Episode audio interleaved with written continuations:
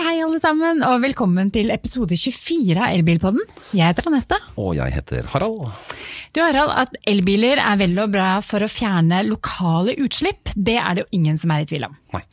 Men hva skjer når vi zoomer litt lenger ut og ser på hele produksjonskjeden? Nylig var Kumi Naidu, som er generalsekretær i organisasjonen Amnesty International i Oslo, på elbilkonferansen EV Summit.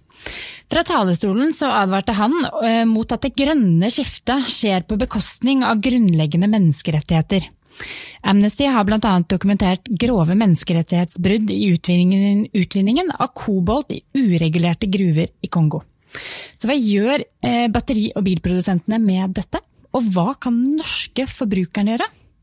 For å få svar på dette har vi fått besøk av Beate Ekeløve Slydal, som er politisk rådgiver i Amnesty Norge. Velkommen til oss. Tusen takk.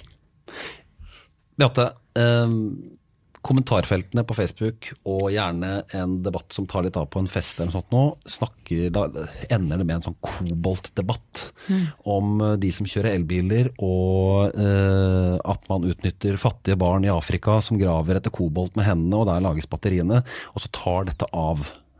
Og så er det jo litt mye nyansert, og så er det et stort snev av sannhet. Hva er, det, hva, hva er sannheten bak dette koboltet? I batteriene til elbilen og til, til mye annet. Mm.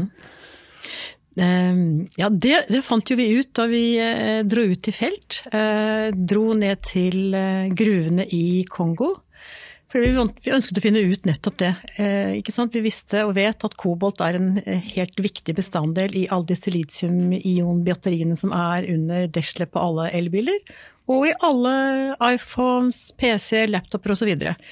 Det vi fant ut, det var jo at uh, alt er ikke bra der nede. Uh, det er helt riktig at det er barnearbeid involvert i disse såkalte artisinalgruvene. Og det er de uregulerte gruvene hvor uh, kobolten helt bokstavelig talt graves uten bare hendene.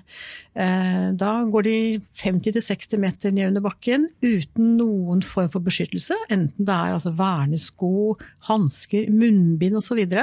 Går ned med T-skjorte og en shorts og graver ut kobolten bare hendene. Puster inn koboltstøvet som er veldig giftig, og mange blir veldig syke av det. Eh, og mange dør der nede i gruvene fordi det er farlig. Barna jobber i gruvene oppe ved bakken. De er ikke nede i gruven, men oppe ved bakken. Plukker ut og graver i, i haugene med mat. Vi, vi, har sett bilder av dette, at det, det er det med sånn sandaktig, dette, mm. dette, de river ned fra fjellet, da, eller fra innsiden i gruvene. Mm. Det er jo, også man, ja, man går da 50-60 meter ned eh, under jorden, eh, lager disse smale, mørke tunnelene. Og så graver du da i, i, jorden du finner under bakken, og i denne jorden da, det er der du finner på en måte denne malmen som inneholder kobolt. Som man da tar med seg opp. Eh, mange rensingsprosesser det kan vi komme tilbake til. Eh, men det som jeg syns er viktig å si, er at ja, disse såkalte uregulerte artisinalgruvene, hvor denne form for arbeid pågår, utgjør ca. 20% av alle koboltgruvene i Kongo. Og kanskje et sted mellom 65 og nå 75% av all kobolt som brukes i verden, kommer fra Kongo. Så ja, eh, barnearbeid er involvert i koboltgruven i Kongo. Eh, veldig farlig eh, voksentarbeid er involvert i det og barn ned til 14-årsalderen er med på å gå under jorden i gruvene, og er kanskje under jorda i inntil 24 timer i døgnet. Eh, så ja, på den ene siden så er det riktig at barnearbeid er involvert i gruvedriften i Kongo. Voksne har farlig arbeid, ungdom har farlig arbeid. Men det er viktig å si at det grønne skiftet er helt avgjørende for vår utvikling i verden nå. Ja. Så vi trenger disse elektriske batteriene. Eh, og vårt mål er jo å si supert med elbiler for å få til et grønt skifte. Men så sier vi at det grønne skiftet må ikke skje på bekostning av menneskerettighetsbrudd. Men vi sier også at Amnesty ønsker ingen boikott av kobolt fra Kongo, fordi det er jo en grunn til mm. at disse barna, at disse voksne er med i denne gruvedriften. Det er den eneste formen for inntekt disse menneskene har. Veldig fattige mennesker. Det gir dem mulighet til å kunne kjøpe et måltid i løpet av dagen. Mm. Så vi ønsker jo ingen boikott av kobolt fra Kongo. Nei. Det er viktig å få sagt. Og det er jo, av det vi leser, så er det jo snakk om at det er en rundt dere har anslått en 150 000 som arbeider nede i disse uregulerte gruvene. Så det er jo ikke, det er jo ikke rent få det er snakk om her. Nei, det er mange. Det kan til og med være opptil altså et par hundre tusen, kanskje flere, for det, ingen har helt den fulle oversikten. Og så er det sannsynligvis så mange som minst 40 000 barn som er involvert i denne gruvedriften. Det er mange barn med tanke på hvor hardt og tøft arbeidet er. Hvordan de ofte eh, kjeftes og, sparkes rundt av disse arbeidslederne. Hvordan de etter en lang dags arbeid bare blir frastjålet den lille sekken de har klart å samle kobolt i, av andre voksne som skal ta eh, æren av arbeidet som er gjort. Så dette, er et alvorlig menneskerettighetsproblem som det går an og må gjøres noe med. Ja, for, for, det som er fakta er at dette er jo ikke nå, nå sitter vi ved dette bordet, og her er det én, to uh, dingser med batterier, og så har vi en telefon i lomma hver. Dette er jo ikke noe nytt som stammer fra elbilen. Nei, og det er viktig å få, få frem, fordi uh, som jeg sier, Kobolt er en viktig bestanddel i alle litium- og ion-batterier. Og det er klart at alle iPhonene våre, alle laptopene våre, mange av PC-ene osv. Lommelykter til Lommelykter har jo da denne type batterier, slik at kobolt-problemet det startet ikke med at vi nå har fått veldig mange elektriske biler. Nei. Det har vært der en stund, og så er det nå man virkelig eh, lykkes i å få løftet fram hvor denne kobolten kommer fra, og under hvilke omstendigheter den utvinnes, og hvorfor det må endres Mm. og bli bedre. Dere gjorde en ganske spennende reise. Det var 2016, Anette. Hva skjedde? Ja, hva, hva hva resulterte det arbeidet i? Da ble det jo publisert en rapport. Eh, Dere gransket var det 26 eh, ganske store internasjonale selskaper, og, og avsa deres dom, og egentlig ga litt ideer til hva dere ville at dere skulle, de skulle løse opp i. Hva har skjedd siden 2016? Eh, Det har faktisk skjedd ganske mye. Fordi da lager vi som du sagt den første rapporten som, som, som heter 'This is what we die for'. For det, det er det faktisk mange av dem som gjør der nede i gruvene. Eh, Da tok vi kontakt som sagt med alle de store bilprodusentene. Med alle de store IT-produktprodusentene. Eh, Og spurte dem rett ut eh, hvor kommer kobolten ifra som er i deres batterier. Kan dere garantere for oss at det ikke er involvert barnearbeid i batteriene? Ingen av de 26 selskapene vi kontaktet, kunne svare på hvor kobolten kommer ifra, eller kunne si noe om barnearbeid var involvert. De kunne ikke det. Og her snakker, her snakker vi store merkevarer, ikke sant? Her snakker vi, her snakker vi Apple, Samsung, uh, uh, her snakker vi Tesla, Mercedes Group, BMW Group, Renault, Volkswagen. Alle disse store aktørene som vi vet, de har jo kjempestore ressurser og mulighet til å kunne finne ut av ting om de hadde ønsket det. Men, men, men, men eh, litt bak den, denne For, for dere, dere dro ned til Kongo selv? Ja. Altså her, her står dere og banker på døra til store merkevarer, og så spør dere et enkelt spørsmål. Vet dere hvor råvarene kommer fra? Og så sier de vi vet ikke. Og ikke nok med det, for det de brukte på måte som en unnskyldning for å ikke kunne gi oss noe svar, det var at nei, det er altså så vanskelig å skulle kunne følge denne verdikjeden, leverandørkjeden, som på en måte øh, følges da av fra kobolten til et batteri til vi har det i våre produkter. Men en organisasjon klarte det. Men det er også Amnesty International, altså vi er ikke en organisasjon som er stinne av penger. Vi er en organisasjon som har masse flinke, engasjerte mennesker. Og det er klart, Hvis vi kan klare å følge denne leverandørkjeden, som faktisk ikke er veldig komplisert Det finnes en rekke andre eh, verdikjeder i en del andre produkter, f.eks. tekstilprodukter, som er mye mer komplisert enn denne verdikjeden. Da sa vi til dem at dette handler om vilje.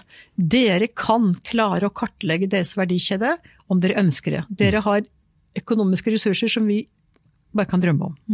For det dere vil er jo rett og slett at de er, vi har en transparens i verdikjeden sin, og faktisk dokumenterer hvor, hvor råvarene kommer fra. Litt sånn eh, litt som man har med sånne bloddiamanter. Der får man jo, hvis man kjøper en diamant, så får man jo faktisk en sertifisering på at den diamanten ikke er eh, gravd frem av barnearbeidere. Eh, Ja, vi var med i den prosessen som vi kalte Kimberley-prosessen. Eh, eh, Det er egentlig en, en litt annen fjøl, fordi den sertifiseringsordningen har en del veldig alvorlige mangler. mangler. Men som du sier, ja, det vi jo da i første omgang har bedt selskapene om, det er at dere må faktisk kunne være i stand til å identifisere hele leverandørkjeden deres. Hvor går den, hvem er det som arbeider hvor og når i løpet av denne kjeden deres. Og at dere må være åpne om de funnene dere gjør. Eh, det var det første vi ba dem om. Og så er jo det neste da å si at nå vet dere hva som er utfordringene. Dere må bidra til noen løsninger på bakken. Ja, så... Ikke trekk dere ut, bidra til løsning på bakken.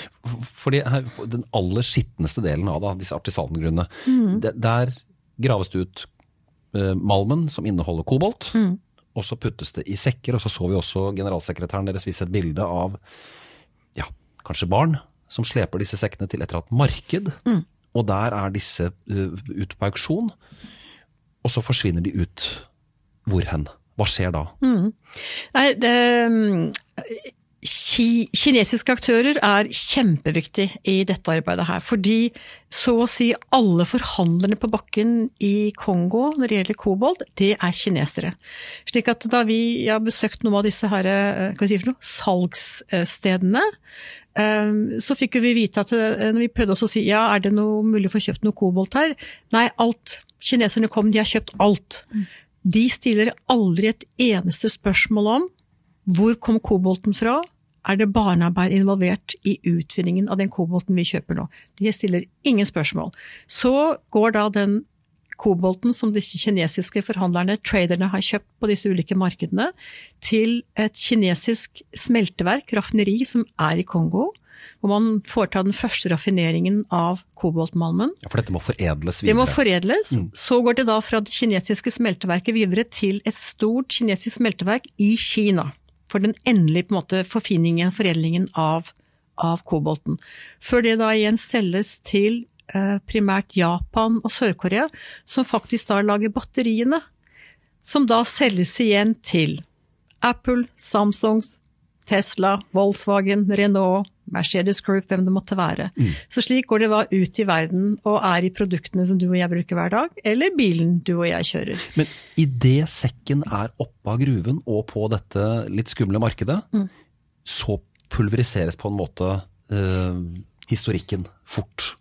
Så da forsvinner det ut i, et eller annet, eh, i en eller annen ganske skummel næringskjede. Ja, så sant man ikke da liksom er, er, eh, er overvåken selv og på en måte har vært ute ved gruvene selv og funnet ut av sant, hvem jobber her, det er den malmen vi får kjøpe, vi kjøper ikke en annen type malm eller hva som helst. Jo, vi fant ut at det er jo mulig å kunne følge selv sekkene som da kommer fra disse uregulerte gruvene, hvor du har barnearbeid, hvor du har de andre, de er det jo mulig å følge. Det er noe med å være på bakken der det skjer. Så det er, det er ingen grunn til å si at det ikke er mulig å gjøre noe med det, for det er det jo. Eh, Så den kampanjen som vi da har siden 2016 overfor disse store bilprodusentene og IT-produktprodusentene, det handler jo da om som sagt én, dere må kartlegge leverandørkjeden deres. Dere må bidra til å kunne gjøre forholdene på bakken trygge for de som jobber der, at de får en levelønn, eh, blir kvitt de verste former for barnearbeid. For det ser vi er mulig. Og så er vi jo selvfølgelig parallelt i dialog med kongolesiske myndigheter. For man skal ikke glemme at myndighetene i Kongo har jo selv også et stort ansvar for hvordan situasjonen er i eget land når det gjelder koboltindustrien. Eh, og som sagt, du, du spurte om det, det Anette, at eh, liksom, ja, hva, har, hva har skjedd siden sist? Eh, og det skjer positive ting, vil jeg si. Det gjør Fordi, det, ja. Vi ser at um, kongolesiske myndigheter selv de har vedtatt en slags handlingsplan for å skulle eh, i hvert fall drastisk redusere eh, andelen eh, barn som arbeider ved gruvene. De har etablert såkalte modellgruver, som viser at det går helt fint an å utvide kobolt i Kongo uten at det er barnearbeid involvert, uten at det er livsfarlig. Eksemp gode eksempler, altså. Gode eksempler, det har vi der nå. I tillegg så ser vi bl.a. at uh, Mercedes Group, uh, og det kommer snart også til å skje med BMW Group, de har nå egne gruver hvor de på en måte liksom så langt på vei det er mulig, har full kontroll på hvordan arbeidsforholdene er, hvem som arbeider der, hvor de kjøper sin kobolt ifra. Så dette, dette er jo virkelig mulig å kunne gjøre noe med. og det er klart at Nå kan det ikke være slik at alle bilprodusenter eller, eller iPhone-produsenter liksom skal styre sin egen gruve. Men det, det går også an å få til bedre ordninger på bakke som gjør det mulig å kunne overskue hva som er liksom rekkefølgen på ting. Um, Og vi vet at flere større selskaper av de store har også gått inn i samarbeid med noen av de kinesiske aktørene. For som jeg sa, kinesiske aktører er på en måte nøkkelaktører i å få en endring på bakken, for det er de som er forhandlerne. De foretar den første måte raffineringen, foredlingen av kobolten. De foretar den endelige raffineringen i, i raffineriene i Kina. Sånn at de har vært viktige å komme i dialog med. Og selv eh, kinesiske aktører har vi med nå. Det største kinesiske gruveselskapet, CDM, de har vi også da en god dialog med, og de er med nå i et internasjonalt skal vi kalle det for noe initiativ, hvor de har spyttet inn masse penger sammen med en del av de store vestlige selskapene. Som bl.a. skal brukes til å bekjempe barnearbeid ved gruvene. Mm.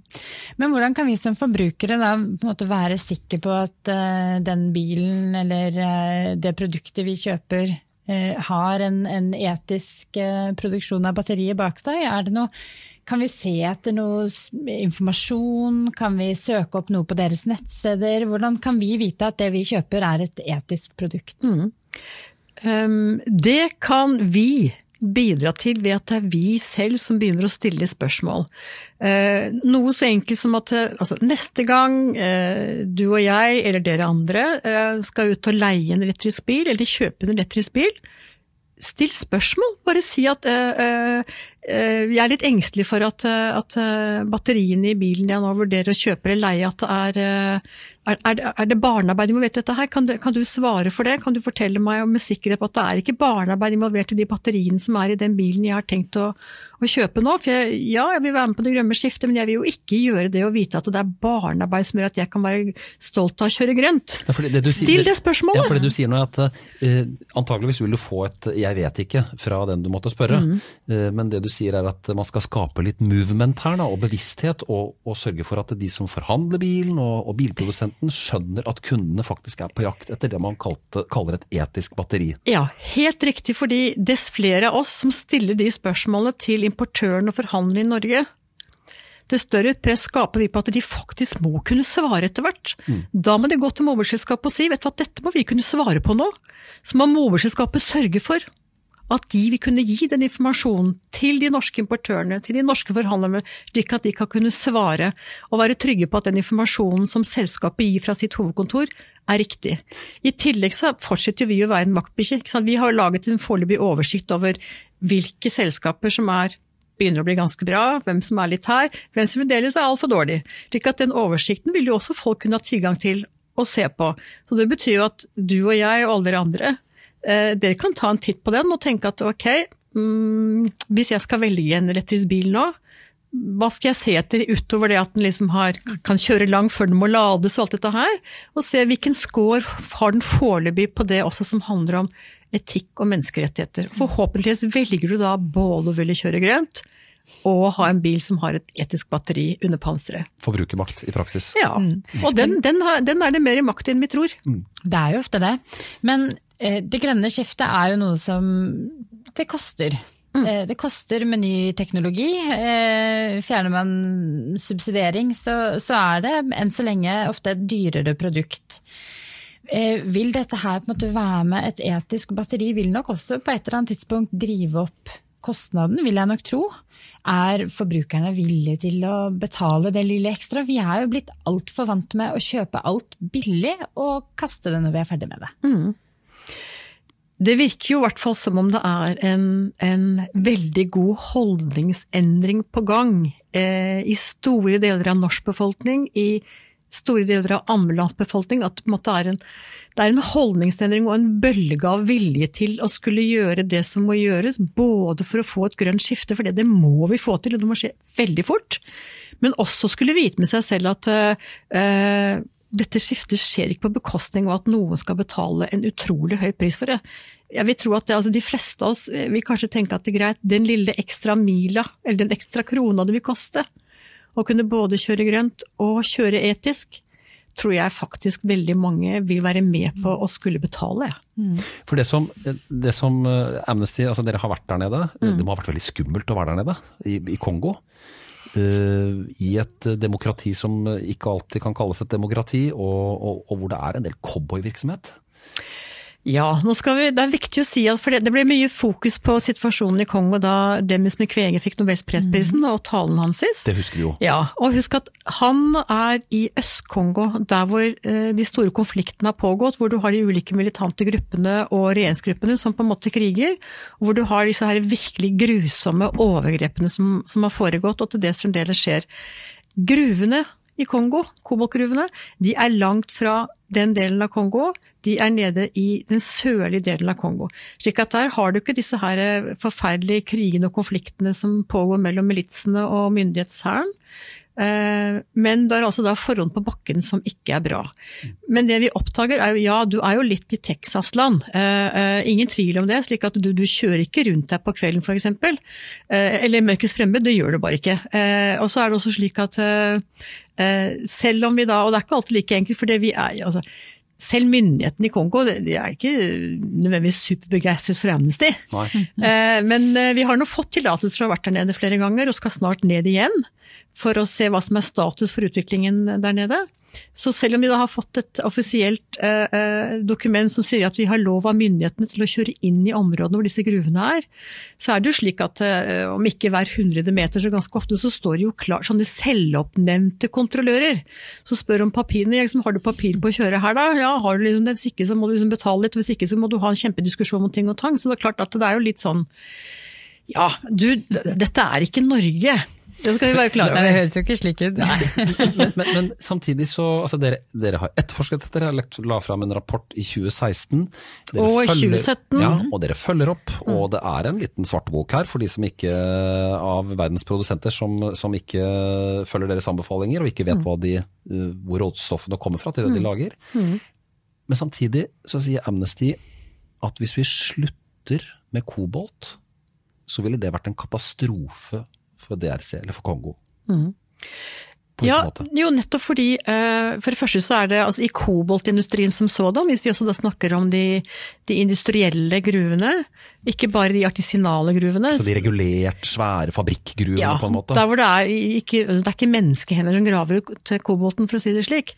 Hvor det er maskinelt mm. utstyr osv. Og, så og hvor det er på en måte ja, bedre forhold, i hvert fall. da. Uh, altså det er mange hundre tusen mennesker i Kongo som arbeider i disse gruvene.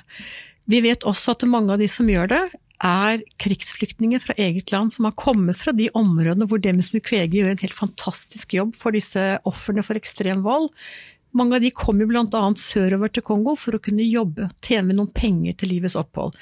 Sånn at eh, om vi liksom skulle si slutt å kjøpe kobolt fra, fra Kongo, så ville det altså flere hundre tusen mennesker som allerede er lut fattige, de vil da i løpet av ingenting ha ingen inntekt. Så da vil du kaste de ut i en enda større eh, fattigdom enn det de er i allerede. Og som sagt igjen, det er en grunn til at disse ungene jobber i gruvene. Mange av de er foreldreløse, mange av de har foreldre som ikke kan jobbe osv. Den lille slanten, én til to dollar dagen som disse ungene klarer å tjene, det er det denne familien har. Mm. Så at man må bare ikke si at man skal boikotte kobolten fra eh, Kongo. Det er ikke å være løsningsorientert, det er bare å skape enda større problemer. Mm. Så det å ta ansvar for selskapene, det er fortsett å kjøpe kobolt derifra, men gjør noe for at det skal bli trygge forhold for de som arbeider der, at de får en levelønn, og at de verste formene for barnearbeid, det blir slutt på. La de gå på skole. Men det vi hørte deres generalsekretær si fra scenen på EV Summit, var jo at han ga bilbransjen fem år på å rydde opp. Eh, er det en realistisk eh, deadline å gi det? Vi mener det, med tanke på når du ser hvor raskt alt annet er mulig å gjøre når det gjelder nå ny teknologi, når du ser eh, altså bare innenfor elbilbransjen, hvor raskt man ser at ting kan skje der hvis man vil, mm. så mener vi at fem år burde være tilstrekkelig for at bransjen selv, hvis de vil, virkelig kan bidra til en reell positiv forandring på bakken i Kongo. Til tross for at det er et gjennomkorrupt land, at ikke det er gode reguleringer på plass, alt dette her, så er det mulig å kunne få til virkelig reelle bedringer på bakken. Og det bør den bidra til ganske kjapt. Fem år burde være bra. Men kommer markedet til å klare å løse dette her selv, eller må man ha noe regulering eh, på plass for å få det til? Nå har jo dette vært frivillig fram til nå, og vi ser hvordan det har gått. Så har vi vår kampanje nå, mange blir med oss og setter søkelys på dette, ikke minst nå altså kjøperne og kjørerne av elbiler selv. Kom på banen! Dere kan virkelig gjøre noe med dette her. Norge er et foregangsland her med tanke på mange biler som kjører rundt med batterier. Vis at dere bryr dere om hvordan dere har fått batterinummerdekselet. Uh, så, så, ja.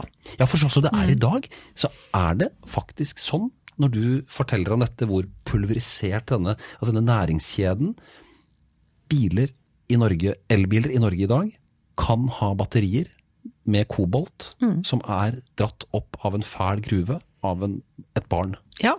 Rett og slett. I dag er det ingen forskjeller av elbiler som kan gi deg noen garanti for at ikke det er barnearbeid involvert i den bilen og det batteriet du har i bilen din. Og istedenfor å boikotte batteriet og elbilen, så sier Amnesty og mange andre gjør noe med eh, koboltgruvene mm. eh, og forholdene. Mm. Det er veldig spennende, men dere har jo faktisk eh, Det er ikke bare kobolten dere også har eh, sett, eh, sett på. Dere har jo faktisk også tatt produksjonsutslippene i hele, hele produksjonskjeden. Mm. og jeg leser jo også at dere mener at bilbransjen burde kunne rydde opp med CO2-utslippene som er forbundet med, ute med batteriproduksjonen. Mm. spesielt da kulle, kullkraft og kulldrevne batteriproduksjon borte i Asia. Eh, hvordan jobber dere med det feltet? Nei, det, det, er jo å snakke med de rette, det også. Her igjen er jo Kina en veldig viktig aktør, fordi veldig mye av deres eh, batteriproduksjon er jo basert på energi fra kull. Eh, nå er jo Kina i ferd med også å kunne bli et foregangsland med tanke på nettopp å skulle få stadig større del av sin egen bilpark, sin busspark osv. elektrifisert. Og det handler rett og slett om, fordi de nå begynner å betale selv, en helsemessig veldig høy pris for alle utslippene som foregår i deres land, inkludert utslippene fra kull. Slik at, eh, Det er jo fælt å si det, men det er jo ofte slik at man først kjenner det på kroppen selv, konsekvensene av denne forurensningen, at man begynner å gjøre noe med det. Vi er litt for langt mm. unna i vår grønne, fine dal her i Norge ja. til det forferdelige smogbefengte Kina. Kina. Det er jo ofte sånn i hverdagen, da. Det føles jo langt unna. Det føles langt unna, men allikevel så eh, Altså, hvis vi tenker etter, eh, hvor mange ganger i løpet av en vinter får ikke vi beskjed fra myndighetene om at nå er forurensningen så høy i Oslo at vi anbefaler folk med hjerte- og lungesykdommer til å holde seg hjemme, eh, folk som er veldig allergiske eller astmatiske til å holde seg inne, fordi luftforurensningen er for høy. Så jeg mener, altså vi kan feie for egen dør. Vi selv har jo nå våre egne erfaringer av hva det vil si å kunne ha forurenset luft. Man må ikke dra til Kina hvor fuglene faller ned i himmelen fordi ting er forurenset. De detter jo døde ned fra himmelen fordi det er så mye smog. Der er vi ikke. Men vi har jo også forurensning i egen hovedstad her i Norge. Mm. Ja, det. Dette var veldig Det var på en måte litt nedslående. Uh, fordi vi må jo eh, gi disse Facebook-trollene eller han kjipe på festen litt rett i dette med kobolt og barnearbeid og mm. fæle arbeidsforhold. Mm. Det er ikke noe tvil om.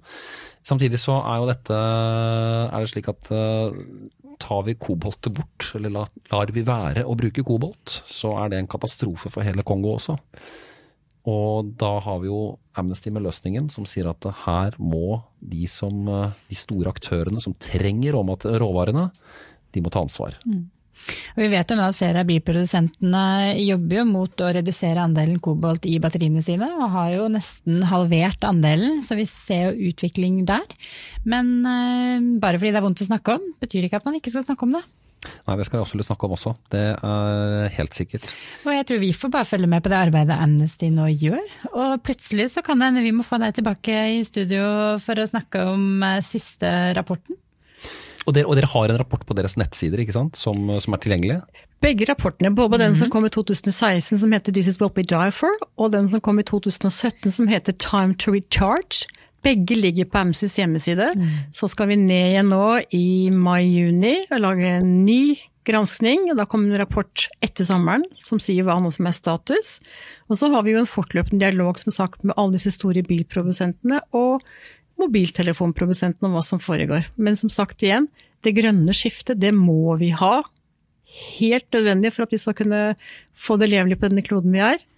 Kobolten må dere fortsette å kjøpe og bruke fra Kongo, fordi menneskene som jobber der trenger de pengene de får, men sørg for at måten de tjener pengene sine på, er trygg, og at de får en lønning når de må leve av. Og det må vi kunne få til. Her er det forbrukermakt ute og går, Ja. og her kan vi stille krav.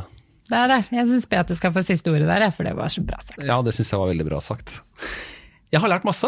Ja, tusen takk for at du kom til oss i studio og ga oss en liten oppdatering på dette feltet. Jo, tusen takk for at jeg fikk lov å komme og kunne snakke med alle de kloke lytterne deres. Ja, takk for det. Og så er vi tilbake om en 14 dagers tid. Eh, husk at du kan lese mer om elbil på naf.no skråstrek elbil, og du kan følge oss på Instagram og på NAF elbil på Facebook. Eh, og hvis du har et spørsmål, så kan du sende det til elbil, krøllalfa, naf.no. Og sender du inn spørsmål, så kan det hende vi spør vår neste gjest om akkurat det du lurer på. Nettopp. Og eh, les Amnestys rapporter på deres hjemmesider, der ligger de, og det kommer flere. Og så ses og høres vi igjen. Husk å abonnere på podkasten, Soundcloud eller iTunes. Ses og høres vi igjen om en 14 dagers tid. Takk for nå. Ha det bra. Ha det.